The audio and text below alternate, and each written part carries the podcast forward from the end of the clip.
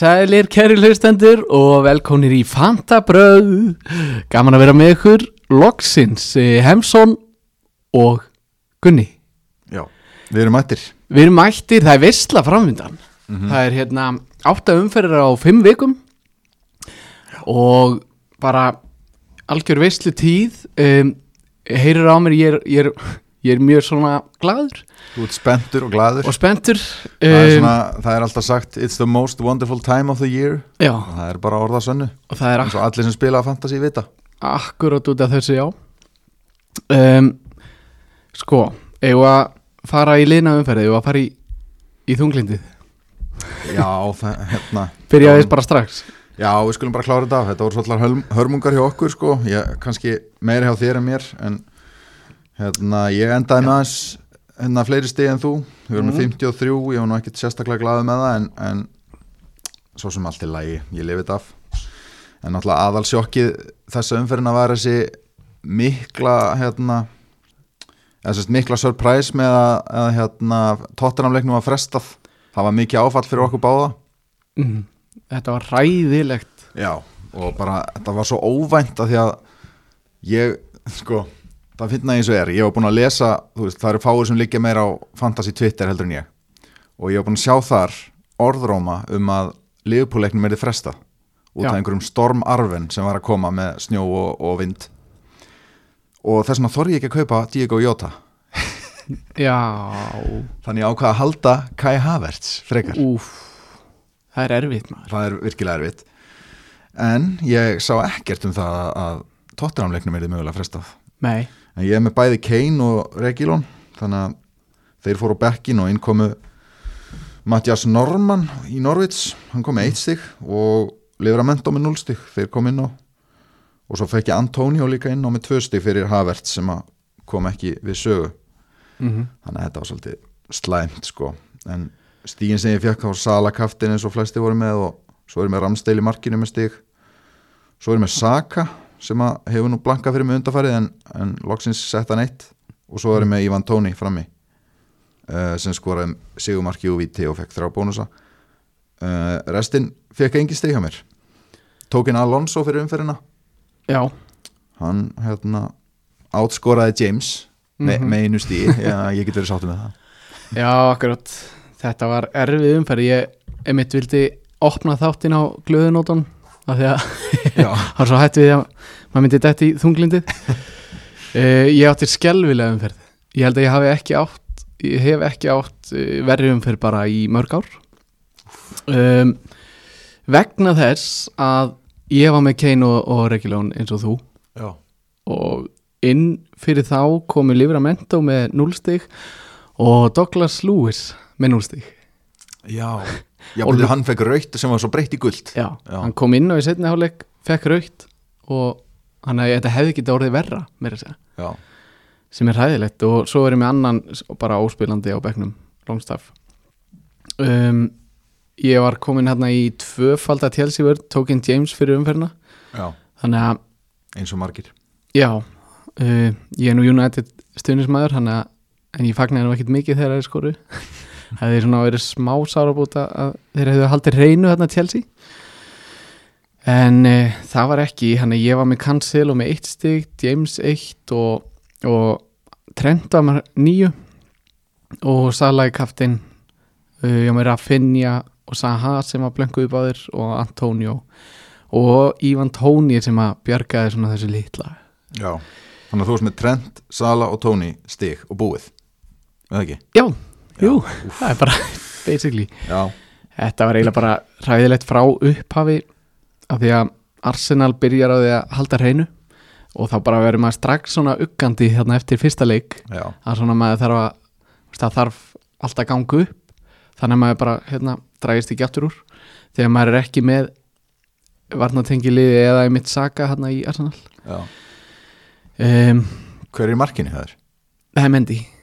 Mendy, já, ok Já, Það er náttúrulega erfitt því að flestir eru með Ramsdale eða Sanchez eða Mendy. Já. Og náttúrulega bæði Ramsdale og Sanchez fengur 7 og 8 stig sko, þannig, mm þannig að það er erfitt að hérna, vera ekki með markmann sem skilar þannig á móti þeim. Akkurat.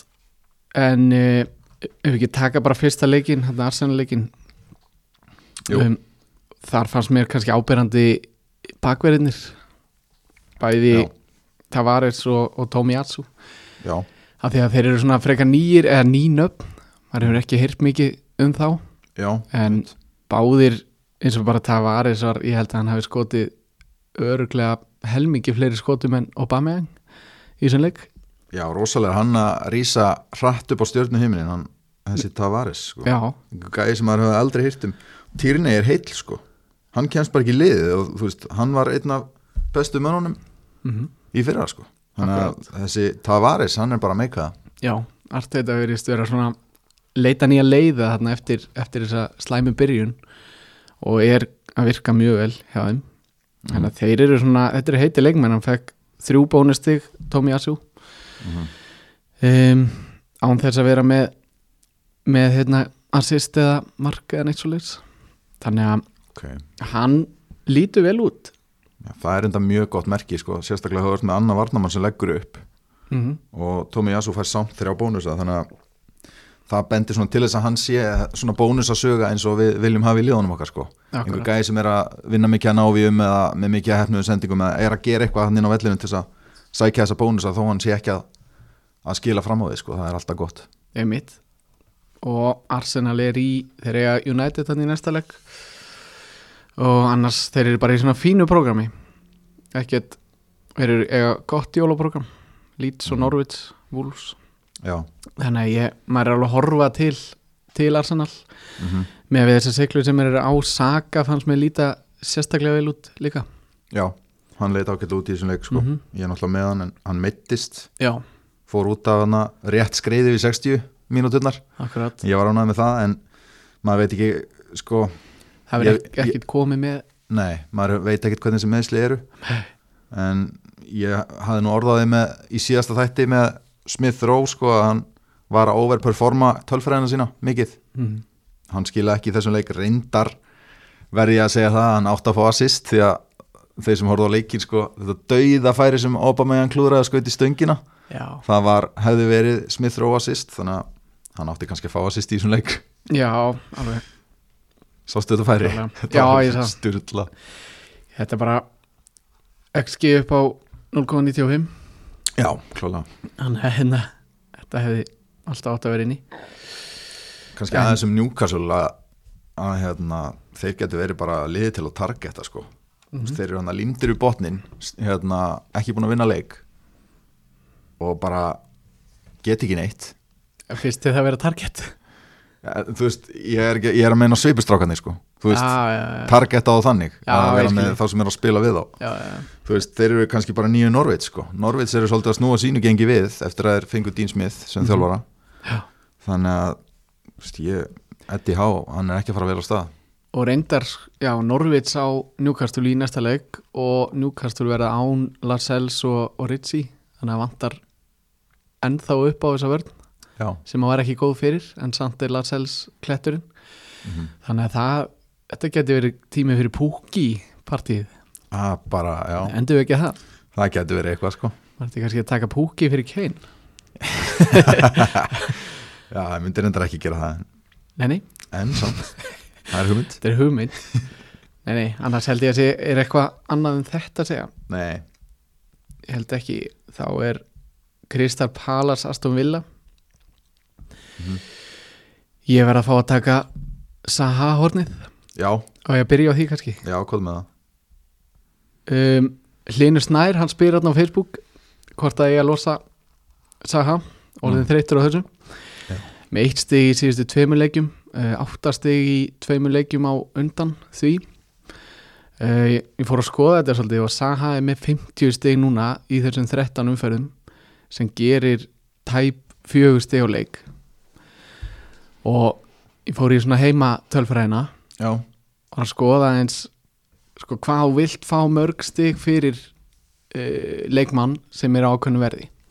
Og ef þú skoða Sala þá er hann að fá 6 stig í leik yfir tímabilið cirka, þannig að þú vilt fá 6-7 stig eða, sérst, eða hann er að skora það heildarstígin er það meðalstíðin hans núna á þessu tímubili, sex í leik? Sagði síðustu tímabil síðustu nokkur. Já, það hlutur að vera meira í ár já, já, hann er búin að vera er styrlaður sko. það er enda klálega meiri ár en það er náttúrulega bara galdra leikmaðurinn. Já, en svona, svo var maður að skoða Son og fleiri sko, hann var í svona fjórum-fimm stigum á leik mm í síðustu tímambil fjögur stig á leik fyrir Saha sem kostar 7,0 er það svo slæmt? sko, hann hefur náttúrulega alltaf verið svona leikmaður sem að blankar kannski fjóra leiki í röð og svo Já. kemur sprengja kannski tvo leiki í röð eða eitthvað skilur algjörlega, sem, þannig svona hot streak leikmaður, alveg gott dæmi um það og þetta er eiginlega spurning með hann um að hitta á tímabilið þegar hann er að skila sko. akkurat. Og þú veist, já, menn verða bara að reyna að sjá það út hvort það er að fara að gerast núna eða ekki. Eh, hvað finnst þið með það? Ég er- eitthvað í kortunum með það? sko ég skil hlinn mjög vel því að við erum bara í sama pakkanum. Ég er búin að vera með hann núna í, í þrjára eða fjóra fyrir og maður er svolítið að býða eftir að hann springi út í ákveðin tíma og selja hann svo. Og ég náði því í fyrra bara mjög fullkonlega var með hann fyrstu sjöumferðirnar og svo seldi ég hann þegar ég sá að hann var að hann átti eitt slæmanleik. Af því að hann er, að, hann er svona sveiflukendur leikmaður Mhm. og tekur einmitt tímabil þar sem hann er að fá sín sprengjustig og svo tekur hann bara afleitt tímabil eftir það. Mhm. þannig að ef þú hittir á þetta rétta moment þá er það bara gull. Já, og það er það sem náttúrulega vinnuleikin að hitta á momentin hjá þessum mönnum og það er ekki alls ekki áreiðanlegast til leikmæðinu til þess að vera með. En það er bara svo ljúft þegar hann skilar þessu. Já, og ég ætla allavega að halda honum þegar ég lýts núna í vikunni. Já. Þeir eru í þessu góða prógrami sem við erum búin, svolítið búin að vera að tala um síðustu þætti, þeir eru í því núna. Já. Þannig að, einmitt, hann fær guldspjald og er skipt út á 70. myndi. Ég hugsa að hann sé að pæla í því að hérna, hann fá ekki setna gulaspjaldið mhm, já. og tekur hann þannig út hann fær hérna smá kvíld þannig að ég ætla ekki að selja hann fyrir þessa umferð. Nei. og sjá hvað hann gerir gegn lýts en hann er alveg á hann er á listanum, Já. sölu listanum. Síðan er náttúrulega sko Gallagher er náttúrulega búin að vera að spila mjög vel hjá þeim. Mm síðan þessi Olise nýja leikmaður sem kom í sumar hann byrjaði þennan leik og nú er Ese komin aftur sem stóð sér mjög vel í fyrra. Hann er að koma tilbaka úr meðslum, kemur inn á í þessum leik þannig að þú veist, mér finnst svolítið spurningamerki hvernig þeir eru að fara að stilla upp liðinu. Þeir eru bara með fullt af fínu leikmennu fram á við. Já, þú veist, svo er líka búið að vera umræðið um Ben Teke sem, sagt, sem fantasy asset að taka hann inn. Þú veist, það, er bara, það er svo margi möguleikar í þessu liði og mér finnst svona það er rosalega erfitt að pinnpanta hvernig maður á að taka þessum kom, mér finnst þið bara, flesti koma til greina en maður þarf náttúrulega að sjá hvernig Ese og, og Lise koma inn í þetta. Mhm. en mér finnst Ben Teke, Saha og Gallagher allir vera raunverulegi kostir til þess að íhuga sko. já einmitt um, kannski ástæðan fyrir að maður tók inn Saha er að, að því að hann er á vítum svo sér maður það bara þessu tímabil og sá það mjög vel í síðustu umferð að þú ert ekki að fá auðveldlega víti liðin er ekkert að fá eins og bara í arsanleiknum, það hefur vel geta verið víti hann fekk hann í hendina bara veist, Já. þetta hefur alltaf verið víti á síðustu tímabili þeir eru hættir að þóra að dæma víti sko, veist, þeir býða bara alltaf eftir að var dæmi víti. Mm -hmm. það var í einhverjum leikum helgina já, var það ekki hérna, Brentford leiknum það gæði bara sparkaði andlit á honum. Já, jú, var það ekki Brentford leiknum? jú. Þeir fengu út hvern, af hverju flauta dómarinn ekki bara? Já, akkurat. Og síðan hérna tvisvar, þrisvar mjög augljósa rángstaða en bara þeir lifti ekki flakkinu. Þú veist, til hvers eru dómararnar yfir höfuð? Akkur láta er ekki bara vardómarana sjá um þetta, til hvers Já. eru að mæta til leiks? Þú veist, en, mér finnst þetta ótrúlegt. Einmitt, allavega þessar sko augljósu það er svona, ef það er eitthvað millimetra spurt mál þá má var grípa inn í það sko. En þetta, þú veist, stundum eru bara tvo metra fyrir innan og þeir þóri ekki að flakka já, og þá náttúrulega er að búa til meðslahettur og annað sem já er bara mjög bara óþarfa þú veist, það fara margar sekundur í það veist, spila fótbolta sem verður svo alltaf dæmt af saman hvað gerist sko. Já, einmitt. Þannig að, já, mér finnst það skríti Já, ég er sammála því. Um, Aston Villa, það eru mikið um nýja þjálfara núna. Mm uh, hvernig líst þér á Gerard? hann er bara koma mjög vel inn í þetta. Mm. ég meina, þeir voru ekki búin að vinna held ég, voru ekki búin að tapa síðustu fimm leikjónum undir Dean Smith Jú. Og svo er búin að vinna fyrstu tvo undir Gerrard þannig að hann er greinilega að ná að snúa einhverju við hana mm. og þú veist kannski verða Ings og, og hérna Watkins einhverju möguleika núna, ég er endur ekkert byrjar að skoða á alvarlega núna, Nei, ekki það er bara held að- annað sem maður er að pæli sko, en ef þeir halda áfram að spila svona þá klálega fara þeir inn á radarinn hjá manni sko. Mm en það er ekki kannski margir þarna sem maður er einmitt að spá í. Kannski helst yngst þegar hann kemur tilbaka en, en Já. það er ekkit, ekkit svona sem hann stekkur á Nei, en alltaf target skorar í þessum leik og veist, hann var mjög góður í fyrra skilaði vel í fyrra Já. þannig að hann er allavega svona einn af þeim sem ég myndi horfa á ef ég ætti að taka til dæmis vardamann hjá þeim mm þeir eru ekkit að halda mikið hreinu allavega Nei, reyndar ekki sko. svo er spurning hvað gerist núna hvort að það breytist. Mm. en já, svo er það liðupúleikurinn Já. um, ef við tökum hann aðeins. Það var erfitt að horfa á hann horfa á Jota sko. Já, þú ert ekki með hann. Nei, hann er alveg gló, glóð heitur sko, hann er eiginlega bara með eina besta tölfræðin í deildinni sko. Já, ef þú skoðar hérna expected goal involvement fyrir síðustu fjóra leiki þá var hann efstur með cirka þrjá. Mm sérst, áætlað að hann koma þremur mörgum í síðustu fjóra leikjum og það er hann og reyndar tveir sem kom svolítið óvart sem voru líka með í kringu þrjá. Það var Gundogan og, og hann hérna Josh King. Já, þessi þrýr er á toppnum hvað var það sókna tölfræði síðustu fjóra leiki. Já. Sem er áhugavert. Mér finnst maður bara að vera heimskur að vera ekki með Jóta sko. Við erum korið með hann. Já, ég er enda búin að taka hann inn núna sko. Þú ert búin að taka hann inn, Ég já, er búin að ok. leiðir þetta af já, En ég, ég sammála þér Þú veist, hann er bara must-own, finnst mér núna. Já.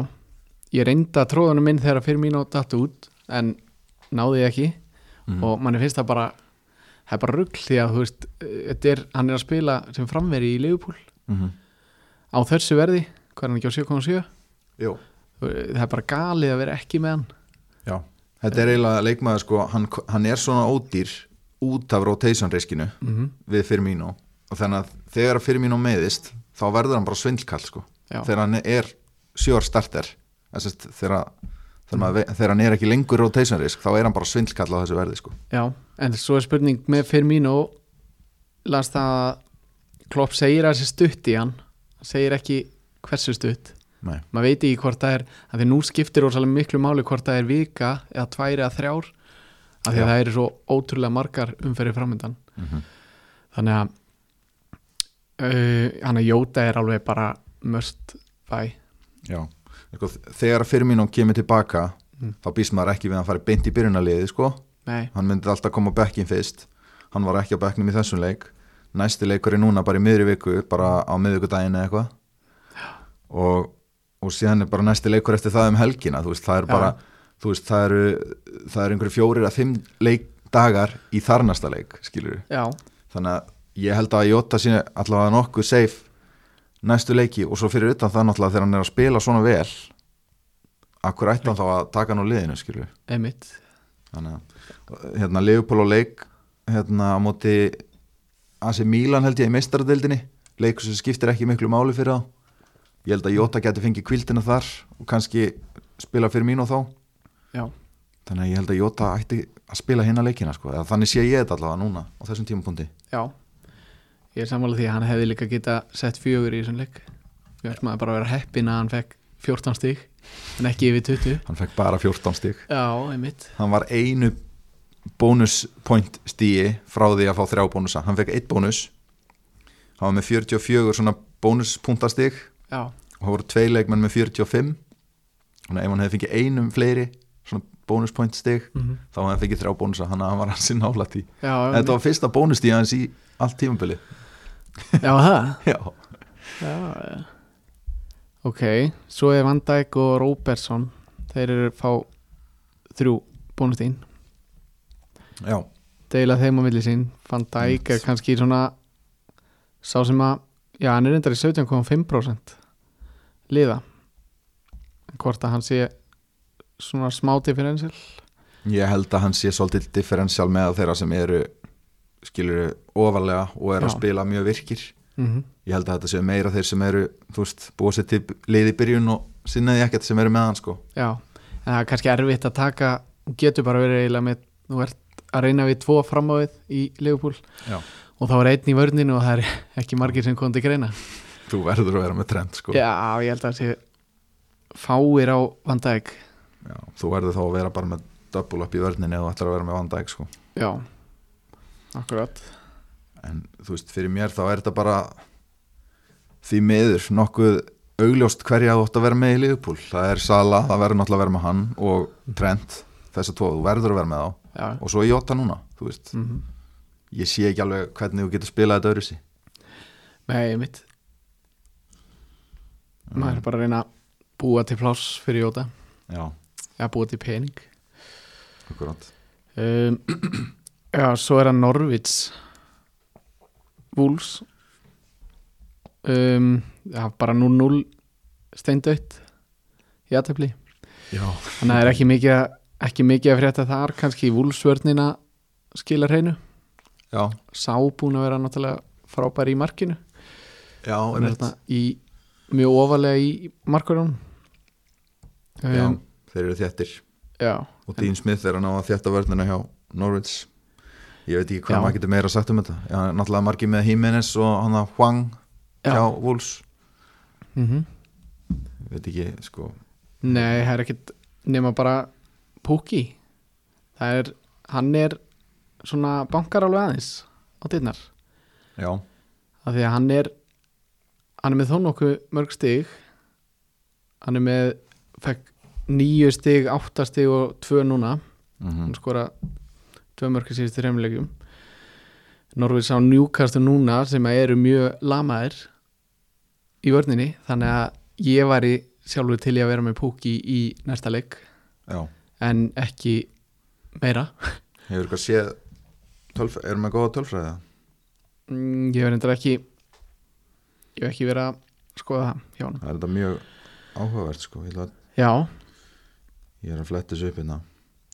Mm en um, ég get komið með hérna störla framvera staðarind á meðan. Já, sko ég með hérna í 50 umferðinni ég sérst, uppleggi á tímabilinu hjá mér var að vera með þrjá svona miðlungs uh, framvera í miðlungsfloknum já, og ákvað að breyta þarna í 50 umferðina því að Ronaldo og Lukaku komu og þurfti að vera með dýran. Þannig ég breyti þarna yfir Ronaldo og síðustu nýju umferðum er ég búin að fá 17 stig fyrir Ronaldo, Lukaku, Vardy og Kane. Nýju umferðum. Já. Það er undir tvö stig á leik. Úff, það er rosalegt. Já, og á meðan er til dæmis Dennis með 48 stig í síðustu nýju umferðum og Pukki með 34 stig King með 47 mm veist bara einhver á þessum miklu ódýrari kostum -hmm. þetta er búið að vera ótrúlegt Já, þú veist, þetta er einhvern veginn, þetta tímabil er ekki tímabil þess að premium framherja, sko. Nei. Þeir eru einhvern veginn ekki onneitt, sko. Og ekki að skila í þessum leikjum sem að maður myndi halda veist, allan fyrir tímabili þá var mikið talað um að vera með Ronaldo í þessar umferðir skipta svo í Lukaku í Já. þessar umferðir og svo í Kane veist. og ég mitt fór í það þarna eftir að Ronaldo setti tvö í fyrsta leiknum þá hugsaði ég bara ok, það er ekki maður getur ekkert verið ánans og að því að svo get ég skipt honum yfir í einhvern annan þú veist, dýran sko Mhm. maður hugsaði þetta þannig svo bara skipti í Lukaku og hann meiðist í fyrsta leiknum sem ég á með hann í svo Vardy, þá var hann búin að vera faun heitur sko, Já, svo tók hann þetta fjóra blank já ég, ég tók hann líka á þeim tíma, sko. það var ekki, Jú, jú. svo skipti ég yfir Kane hann tók tvö stíðin og svo Vardy núna búin að, Þetta er einhvern veginn, þetta er ótrúlegt. Það er ekkert að detta, sko. nei, En hérna, En- já, fyrir þá sem vilja vita, síðustu fjóra leiki Pukki með 1,8 í expected goal involvement, það er svona bara, það er fínt. já, Það er ekki frábært, en það er bara ágætt, sko. Hann, hann gæti alveg skila í, í þessum leik á móti, á móti hverjum aftur? Newcastle.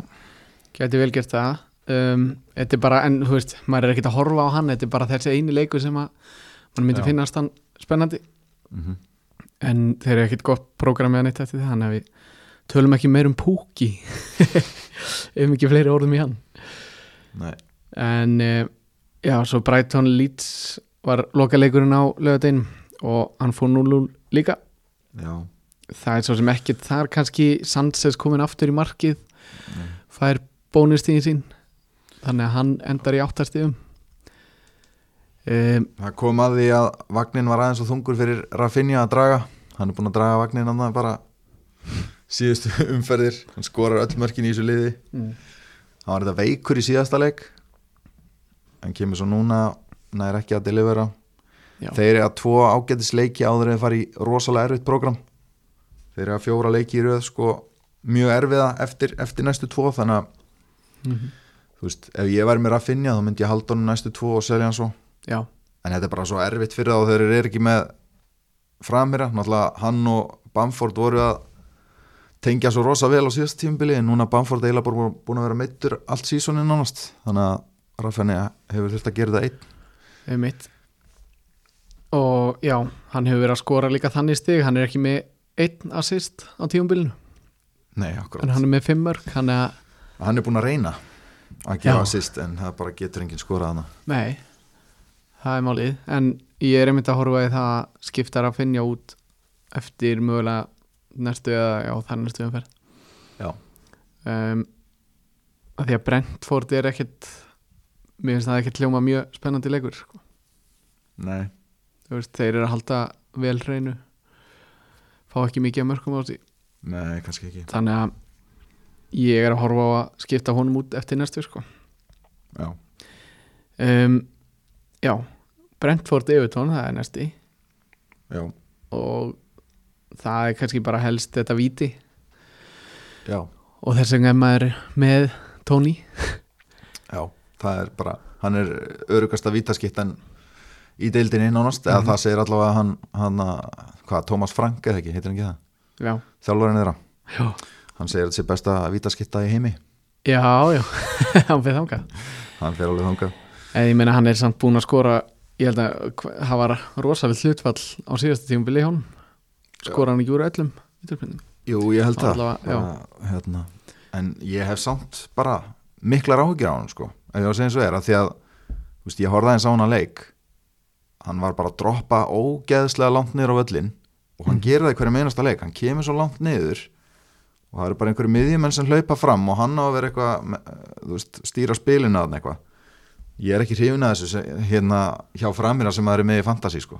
Nei, og þú veist og síðan er það reyndar, það er Embo Emo annar leikmaður sem ég er með í mínu liði sem er að hlaupa inn fyrir og fá boltan ekki er hann að delivera heldur þannig að ég bara hefur miklar ágjör á þessum Brentford mönnum mínum sko. Já, ég er búin að vera með Embo Emo núna í 5 eða 6 umferðir og hann gerir ekki raskat sko að nei mitt en þeir eiga hérna tóttunum í næsta svo Leeds og Watford þannig að maður er kannski er kannski að halda þeim allavega út, út þáleiki já og líka bara eitt sem er rosa mikilvægt á þessum tímapunkti á sísoninu það er leikmann sem þú veist að er að fara að spila.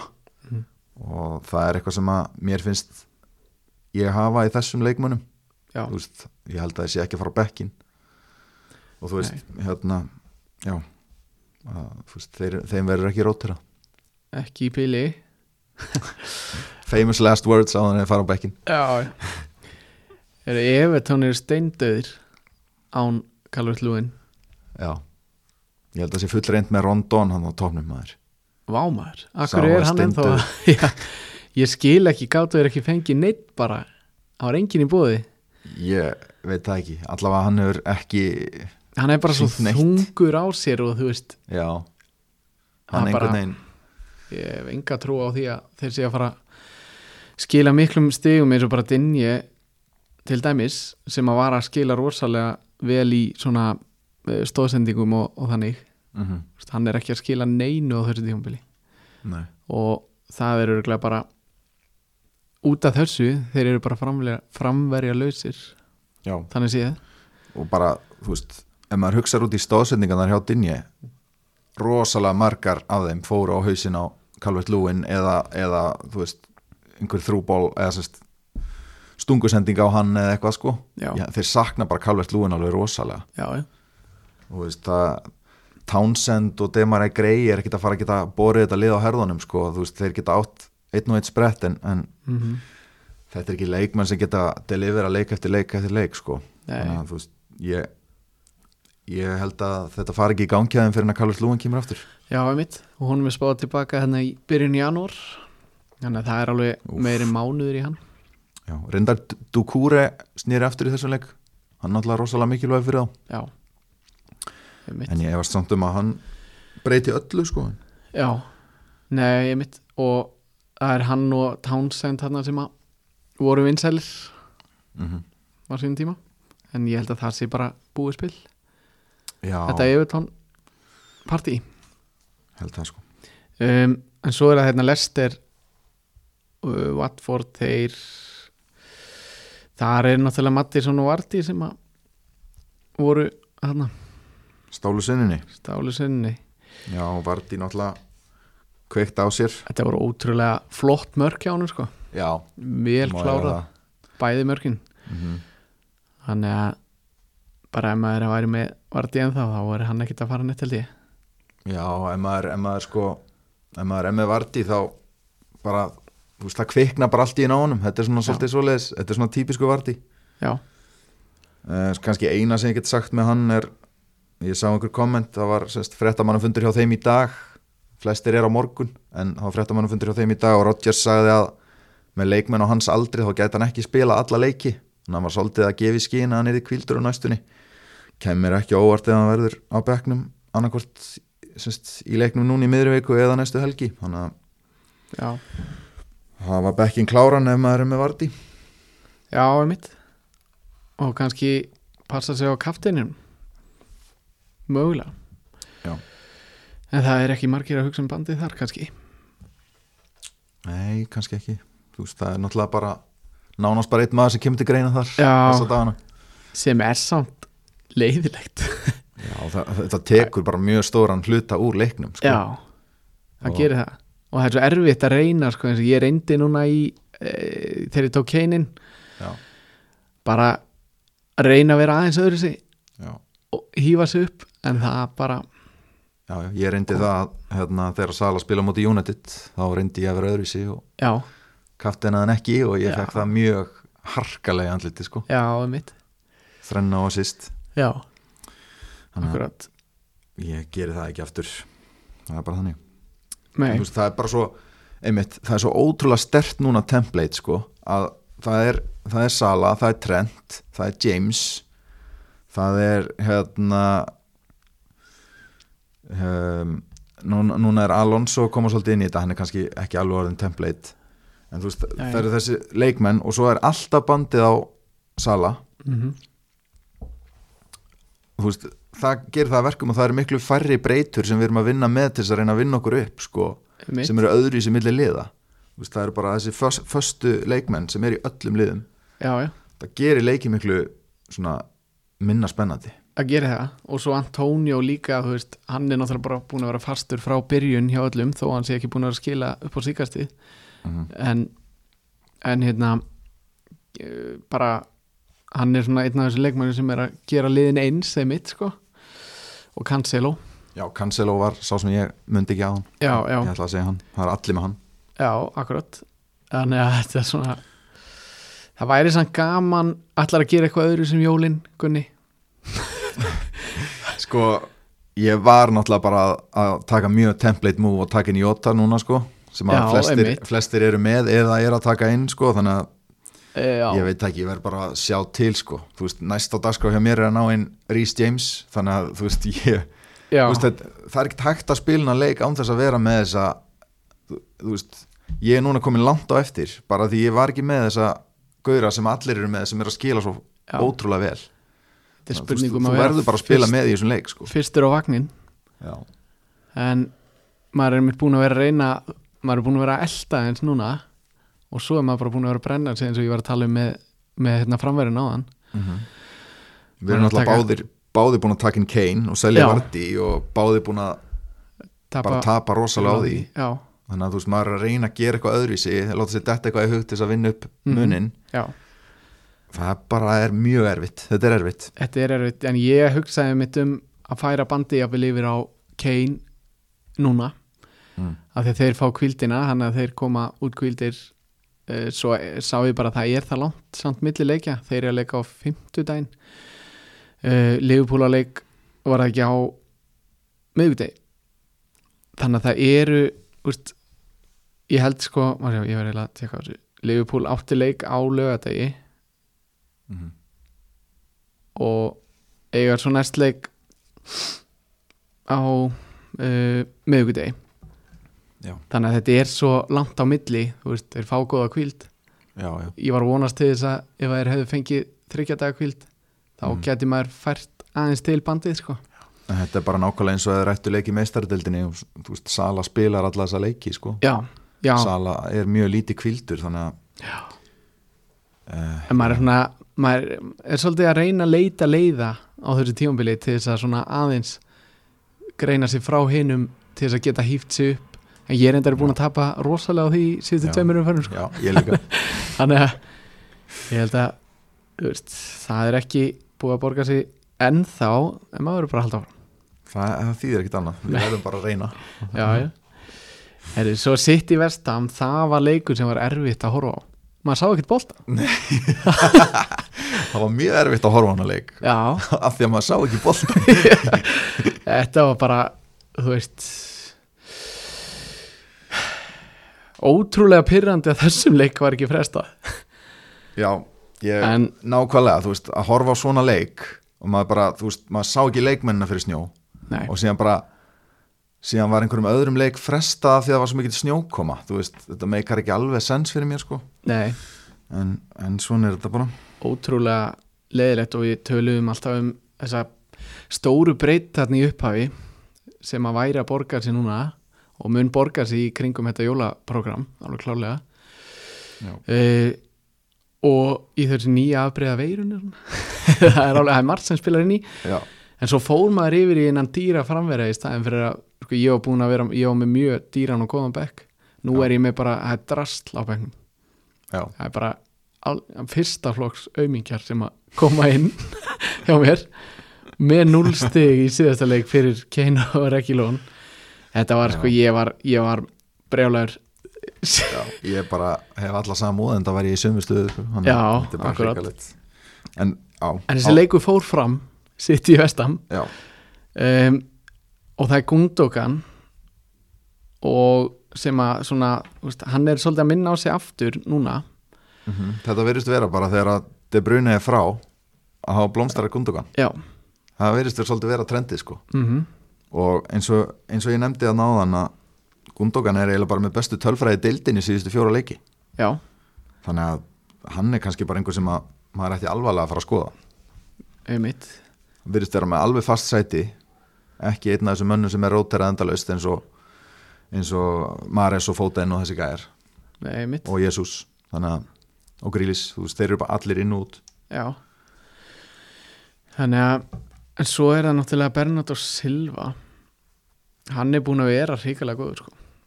en hann er svona leikmæður sem maður svona mér fannst vera að taka eins við af Gundogan frá síðastu tímabili. Mm. spilar alla leiki og er að gera ótrúlega svona stóra hluti hana. Já. um, hann er bara svo svona leiðilegt fantasy pick finnst manni. Já, ég veit ekki akkur það er. Ég kann ekki að lýsa þið mér finnst bara, þú veist eins og þú ert að lýsa, hann er bara ótrúlega mikilvægur í þessu liði og lætur hlutina algjörlega að tikka. Já, mér finnst hann bara ekkit endilega að vera að skila neitt rosalega mikið fantasílega, sko. Nei. Þó hann, hann hefur reynda verið að gera það undarfarið en mm mér Kannski- finnst, mér finnst Gundogan einhvern veginn vera betri kostur, sko já, ef ég á að segja það sem mér finnst en þú veist, Bernardo Silva kemur aldrei greina líka. Já, já, það er mitt um, en það er svo sem kannski ekki ég meina leikmennir sem að er verið að skoða þarna er Cancelo og Díaz þeir eru vinsalastir já, uh, það þóra fáir að fara þarna fram á því eins og Jésús er samt mjög gott pikk með hvernig hann hefur spilað á tímabilinu og, og svona virðist vera lítið í þessu rotation hjá hann finnst Mhm. hann svona ofta spyrja þarna fram á því já. Um, en já, en kannski í sambandi við Foden að það er kannski einhverjir pyrraðir úti sem að heldu honum um helgina og svo spilaði hann ekki neitt.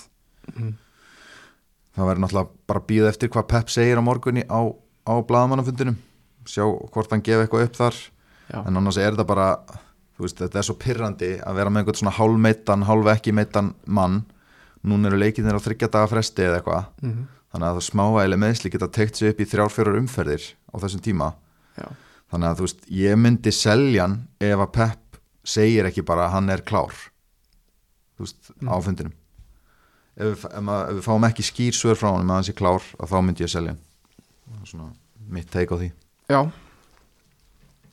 Algjörlega og einhver sem myndi taka inn í staðinn sem er svona á svipuðu verbili eða Já, ég myndi náttúrulega taka hérna taka Jota. Já, ef fólk er ekki með hann. Já, það kannski svona átó og já, kannski Gundogan. Já, bara hérna sideways move yfir í Gundogan. Mm það er þetta með einmitt örugan spilatíma og, og góða tölfræði. Þannig að hann kemur til greina. En annars bara verð ég að segja það það er ekkit rosalega mikið að kostum nei, það eru bara, eins og ég segi þessi template kostir sem allir er að pæli það er rosalega lítið að einhverjum gyrnilegum svona differential kostum. Já ég er sammála því. En síðasti leikurinn Chelsea United. Hvað hérna, hvað erum við að fara að fara, sjá frá United núna framöndan ég sko, hérna mér finnst það frekar augljóst að í þessum leik að hann, þetta var bara liðið hans rangnik sko. Að, að hann bara stilt upp þessu liði, þetta er kerfið sem hann vill spila. Mm með svona, með tvo frammi og einhverja svona hápressu. En mér síndist þetta reyndar vera svona þessi gerfi pressa sem að var svolítið einkennandi undir ólega sko, já, þú veist bara svona hálfpressa. Maður hefur séð einhver kvóts í rangnika sko að, að, að spila pressubolta er eins og að vera ólétt. Þú ert bara annarkvort ólétt eða ekki. Þú annarkvort pressar eða ekki en ekki eins og United hefur verið að gera þetta að þú veist, einn til tveir menn fari í pressu og, og restin horfir á sko. Já, þannig að en þetta er svona vísirinn af því sem við munum sjá undir Ragnik held ég með þessa tvo frammi. Og ég hef bara svolítið áhyggjur af Ronaldo núna sko. Já, sko fyrst að hann fór á bekknum í þessum gríðarlega mikilvæga leik á móti einu besta liðin í deildinni. Mm ég bara hef svolítið áhyggjur af Ronaldo núna. Veist, það var planið alltaf að henda Kane fyrir Ronaldo fljótlega já en ég veit ekki alveg hvað ég gerir núna sko. Sko United er að detta í rosalegt prógram núna yfir, mitt yfir þetta jóla sísón mm. þannig að þetta væri alltaf tíminn sem að er hefði verið svolítið að targeta þá um, Er einhver hérna í United liðinu sem að þú myndir væri spenntu fyrir að taka inn? kannski Sancho Já, hann er búin að skora tvisvar, tvo leiki í röð. Verðist vera að fara að spila nánast fremstu stöðun á vellinum. Já, hann er enda bara með mark í síðasta leik. Já, hann skoraði meistardildinni Meist, Já, ok, já. Og hérna, og er kannski já, algjörlega inn í þessu kerfi. Já, og er leikmaður sem að Ragnik fíla sko, ungur, feskur, fljótur. Já, akkurat það sem hann er að horfa á. Þetta gæti verið tími sem að, já, fyrir hann til að skína. Já, en hann er bara rándýr sko. Ég já, myndi kannski vilja sjá líka einhvern leik Rannik, er actually mættur á hliðalínuna mm og sjá hvernig þeir svara því sko. Já. Maður hefur það alveg, næsti leikur er frekar erfiður á móti Arsenal, er það ekki rétt um mér? Jú, þannig að maður þarf ekkert að flýta sér núna að taka nýjón mann með einmitt. Skoða það eins Já. en það er bara svo mikið að breytu núna því að það eru nýjir þjálfarar hjá sko allavega fimm liðum núna. Já, þannig að þetta er svona veist, við erum að fara að sjá kannski svona öllítið öðru sér hluti hjá þessum liðum, hann er maður þarf svona vera eins á tánum og skoða skoða svolítið kjær, leikkerfin og hvernig er svona leggja upp leikina.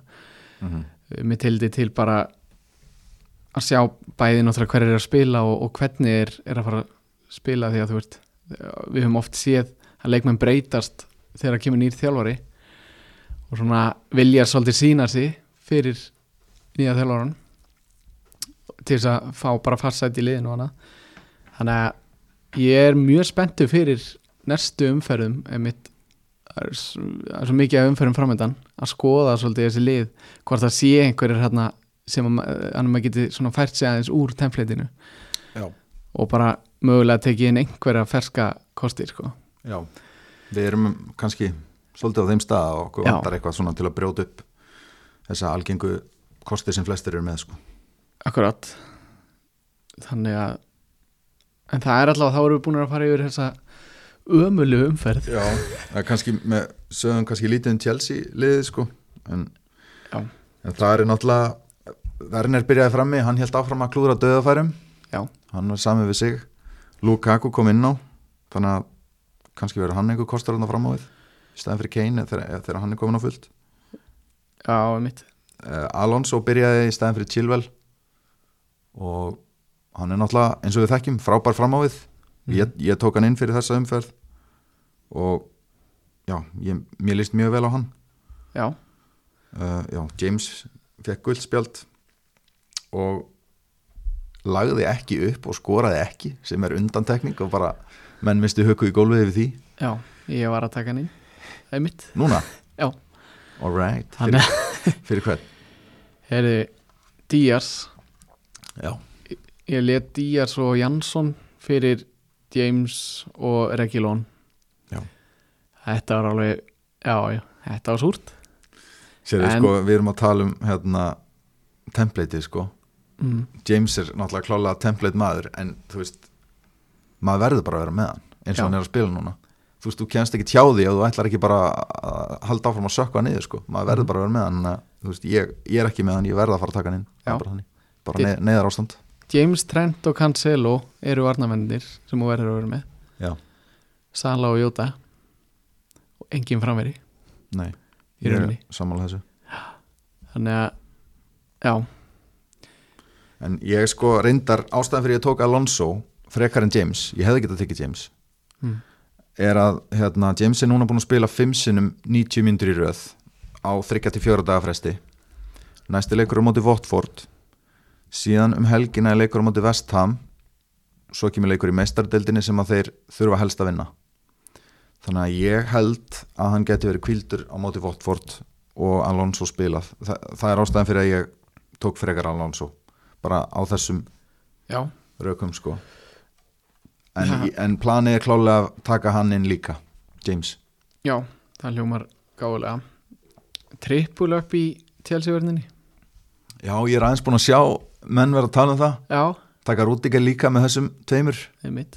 Ég hef heyrt margt heimskulega ég meina hvað er búin að fá á sig? Fimm mörg á tímabilinu? Já, það er náttúrulega bara styrla sko. Ég er alvarlega að horfa í það taka inn Alonso, ég er með Mendy í markinu, James Já. svo Alonso. Vera með triple up. Já, það er náttúrulega þá ertu komið með sko differential að vera með Chelsea vörn. Differential er náttúrulega Mhm. frekar geggjað sko. Já. Af því þetta er bara besta vörnum í deildinni. Algjörlega, menn fannst bara óhefni að þeir held ekki reynu gegn United. Þetta var náttúrulega sástu markið hans? Já. Jorginho. Í rauninni, já hann klúraði þessu sko. Hann átti þetta alveg og tók það á sig líka mm hann var ekki að fylga það. Mér finnst það var- líka bara áhugavert hvernig hann sko hann var ekki að reyna að spretta tilbaka eða eitthvað, hann bara svona horði í róliheitunum á eftir þeim já, spretta fram, þú veist, bara hann vissi bara hann, hann átti aldrei möguleika sko. nei mitt þannig að já, þetta var þetta var umferðin en svo er það bara næsta.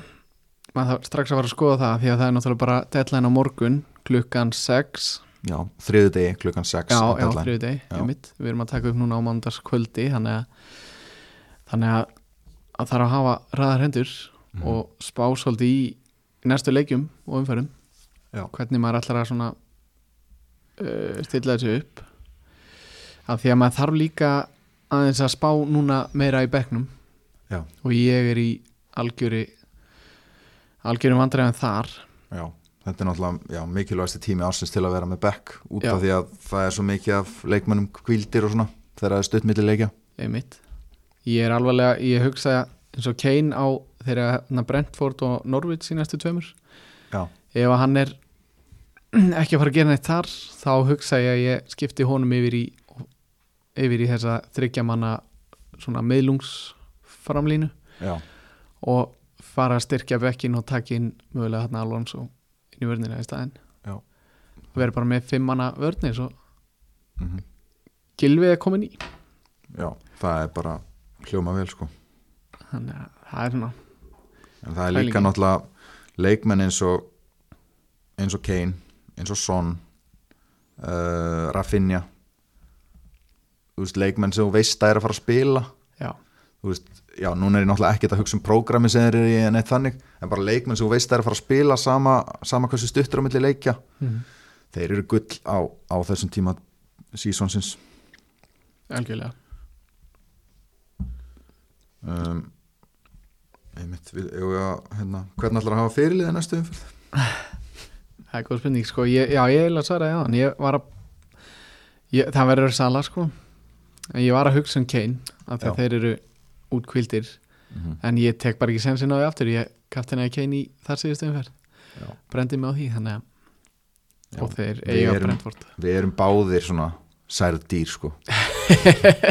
Eftir Já. að hafa kaftina eitthvað annað en Sala þess vegna kom ég svona jákvæður inn í þáttin á hann ég er bara, ég var svo rættur um að þetta bara beint í þunglindu kom ég sæl. Ótrúlega leiðilegur þáttur.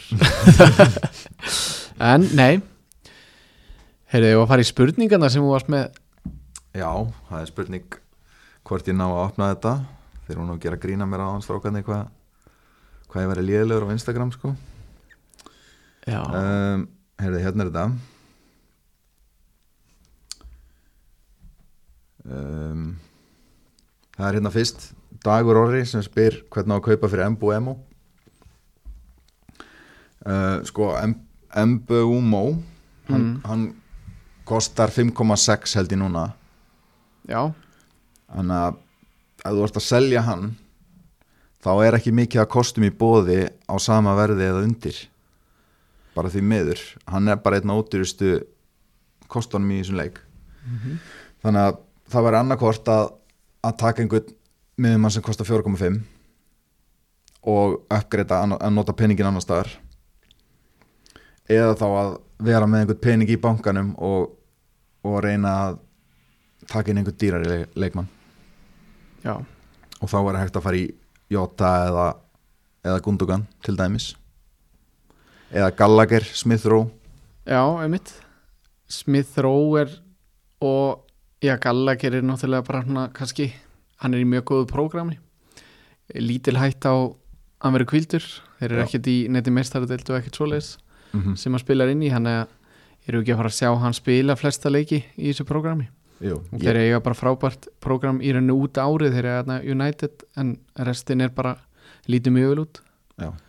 ég held ég myndi taka, taka Gallagher frekar heldur en Smith Rowe eins og ég er búin að segja svolítið að ég held að Smith Rowe sé kannski ekki að fara að skilja mikið núna eins og hann hefur verið að gera undarfarið Nei, um, síðan er hérna Gunnar Berg spyr Saha út já við tókum það á hann sko ég myndi alveg þeir eru samt í mjög góðu prógrami Mhm. en þetta er bara spurning um að allar maður að treysta á að hann fari núna að springa eins út Mhm. ta- ná nokkrum góðum og selja hann svo veist, þetta er ekki leikmaður sem að maður vill hafa út tímabilið eða eitthvað svo sko. Já, ég allavega líti ekki þannig á það en ég er svona, er að horfa á þetta prógram að reyna að fá eitthvað út úr honum. Og eins og ég talaði um á hann fjögur steg á leik er ekkert slæmt fyrir mann sem kostar sjö. Það er Nei. bara svona miðlúms Nei. en hérna, er þetta ekki líka bara svolítið spurningum ertu með Jota eða ekki? Jú, svo er það, hann er náttúrulega eins dýrari. Ég myndi klárlega skipta honum út strax Já. ef ég ætti efnaði Já, nákvæmlega. Taka frá, taka Jota inn. Já, já, Síðan er eitt sem spyr hérna Viktor Már Birkis spyr Vardi út og svo tveir svona grátandi hlægandi kallar. Þannig Já. að hérna, hann er kannski að grína því að við seldum hann. Já ekki ja, Ég veit ekki hvað þessi kallar þýða við. hjá honum en, um, en sko eins og ég sagði Rodgers var að tala um að hann mun ekki spila alla leiki og, og, og svona en ef ég væri með Vardi núna þá myndi ég ekki selja hann Nei, Nei, ekki þeir eiga Southampton, Aston Villa og Newcastle í næstu þremur, maður myndi alltaf halda honum út það allavega. Já. Svo er eitt sem spil Ma- Matteson inn fyrir fótinn. Sko ég skoðaði eins tölfræðina hjá Matteson hún er ekkit aðeinsleg Nei, og hann er náttúrulega bara koma hann er búin að vera ískaldur og ekkit búin að fá að spila mikið. Ég myndi vilja sjá hans meira frá honum áður en ég tek hann en menn eru mis á, áhættu sæknir og ef einhver vil taka sensin á honum þá bara gæti það alveg borga sig sko en, en ég persónulega myndi ekki gera það. Hann er búin að spila eitthvað í öllum leikjum en flestum leikjum er hann að fá 1 og 2 stegi uh, það eru tveir leikir sem hann skorar herra en það. Og það er gegn Brentford fekk hann 8 steg skora 1 mark og svo bara núna í síðasta leik 16 steg 1 mark og 2 assist þannig að þetta er kannski ekki mikið til að byggja á. Nei. en kannski, þú veist eins og að komast á vagnin þegar hann er að já, byrja að fara á stað. Já, já, um, en, en það er áhætta. Mm svo, er, svo Gunnar Berg spyr líka Díaz út. Ég myndi segja já við því. Já, bara, þú veist, hann er náttúrulega alltaf mjög góðan sens á að fá clean sheet. En málið er þegar þú ert með James, þegar þú ert með Cancelo þegar þú ert með Trent já, uh, ég myndi taka alla þessa gæja inn í staðin fyrir Díaz. Bara strax og mögulega Alonso líka og, og Region þannig að þú veist, það er bara svo mikið af þessum sókna sinnu bakvörðum sem eru betri kostið finnst mér Díaz er líka að sína það núna á þessu tíumbili hann er ekki að spila alla leiki sko. það að hann sé kvildur í tvo leiki af fimm finnst mér mjög svona stórt spurningamarki Já. eitthvað Já. sem við sáum ekki í fyrra ekki fyrir að sko en reyndar er Laporte í banni í næsta leik þannig að veist, það er engar líkur á rotation í næsta Nei. En við þurfum að horfa lengra en það já, já. um, en ég er seldan fyrir síðustu umferð þannig að ég myndi bara ég var ekki hann Nei. Uh, Jakob Felix spyr ég með Chilwell, er ekki bara pæling að kaupa Rhys James í staðinn uh, Jú, það er klálega pæling bara gerð, það- það núna það var öll spurningin Já, það er klárlega en sko, það er eitthvað aðeins meira en ég sé það ekki sko. ég get ekki opnað alla spurninguna og þú veist, fólk verður bara að bera virðingu fyrir því að ég er orðin 30 ára gamall sko, og nota ekki Instagram mikið þannig að ég get ekki séð alla spurninguna. Nú? Já. Já, þú ert þar. Kanst þú opnað þetta eitthvað betur það? nei, ég ætla ekki að segja. Þú ert ekkert betur en ég sko þannig að, ég er, já, heyrðu, svo eru er góðvinni þáttarins er hérna með spurningar. Það eru hérna Gummi Fel úr lélega fantasy podcastinu. Já, og hann hérna Pálmar líka þeir eru báðum með spurningar. Pálmar, vá hvað hann, hann er mjög fabulous á myndin á Instagram bara tekki á honum, hann er hérna hann er eins og Þór þrjumiguðin Þór á þessari mynd sko. Hann er með svona sítt flott hár. Já. Ég hef ekki hitt hann sko en það lúka fyrir að vera alveg flottur náðingi vonandi hérna ríkur og, og frægur eins og gummi fel sko.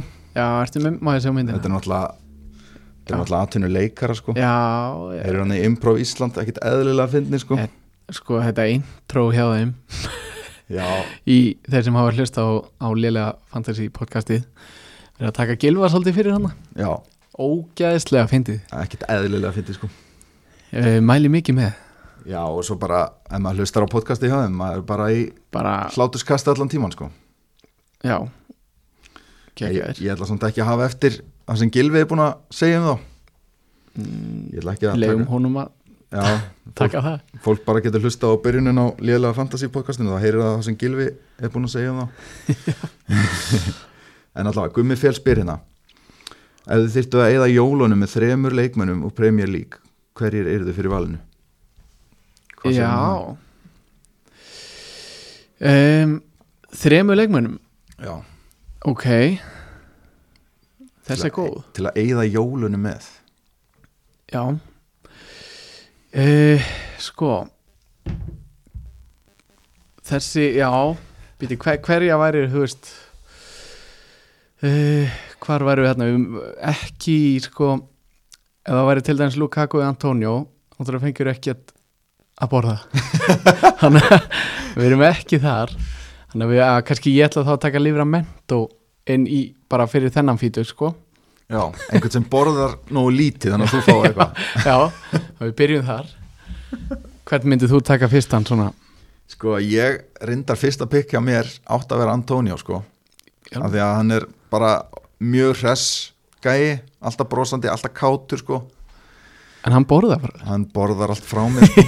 ég, ég íhugaði það ekki. Nei, menni en já, bara mér langar líka að hitta hann gæi ég held hann sé algjörst legend sko þannig að ég held ég myndi taka og bara svelta það kvöld sko og bara reyna að borða daginn eftir eða eitthvað. Já. En ég myndi, svo var það náttúrulega Saha. Já, Það er, takk ég hann þarna inn. Og Sala er náttúrulega Var hann til að vera með honum eða ekki? jú. Já, hann er kongurinn hann er kongurinn sko og Var þetta- hann borðar auðvitað ekkert frá þér. Nei, svo er það. Ég bara vissi, já, ég þorði ekki að segja það. Ég, ég myndi náttúrulega alltaf taka Ronaldo sko. Já, hann er náttúrulega búin að vera ædolum hann svo lengi að maður væri alveg til í að hitta þann gæja. Já, og já, já, segi bara Sala líka. Það væri fín jól. Um, svo spyr Pálmar hérna hversu góðan bekk vill maður hafa í desember já, mynd, eitthvað viðmið eða þumalputta regla tókum það mitt á hann að það er bara greiðlega mikilvægt að hafa mjög góðan bekk myndi ég segja. Og við brendum okkur, eða ég brendi mér sérstaklega núna í þessari umferð já, að fá núlstegin á bekknu þegar að leikva fresta á þetta snjókomu. Já Þannig að- sko við getum bara þannig að það sé sagt það er ekki Mhm. hægt að svekja sig á því.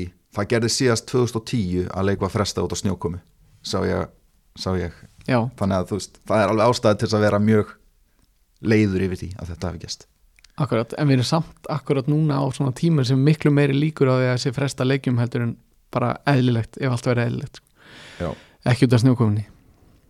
Kannski líka út af snjókomunni bara út af global warming og eitthvað svona kæftæði að það er alltaf breytast í veðurkerfum jarðarinnar þannig að kannski eru meiri líkur á frestunum út af veður ofsa í dag heldur en hefur verið.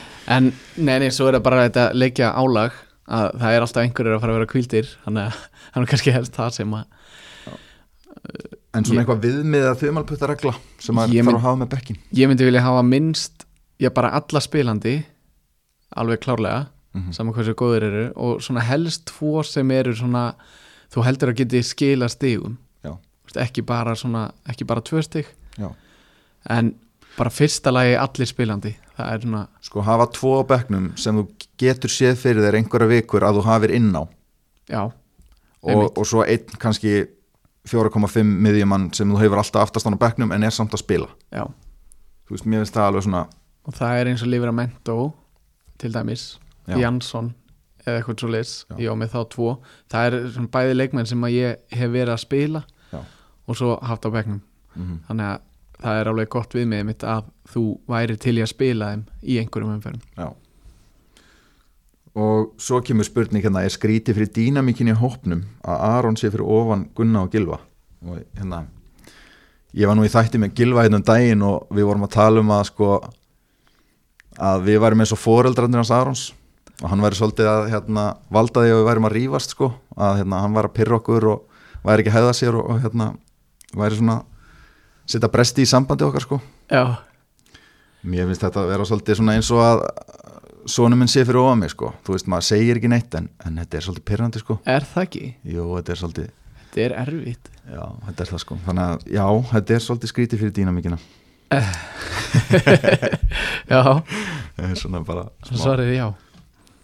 Já, ég droppaði úr fyrsta sætinu yfir í niður í að síðasta.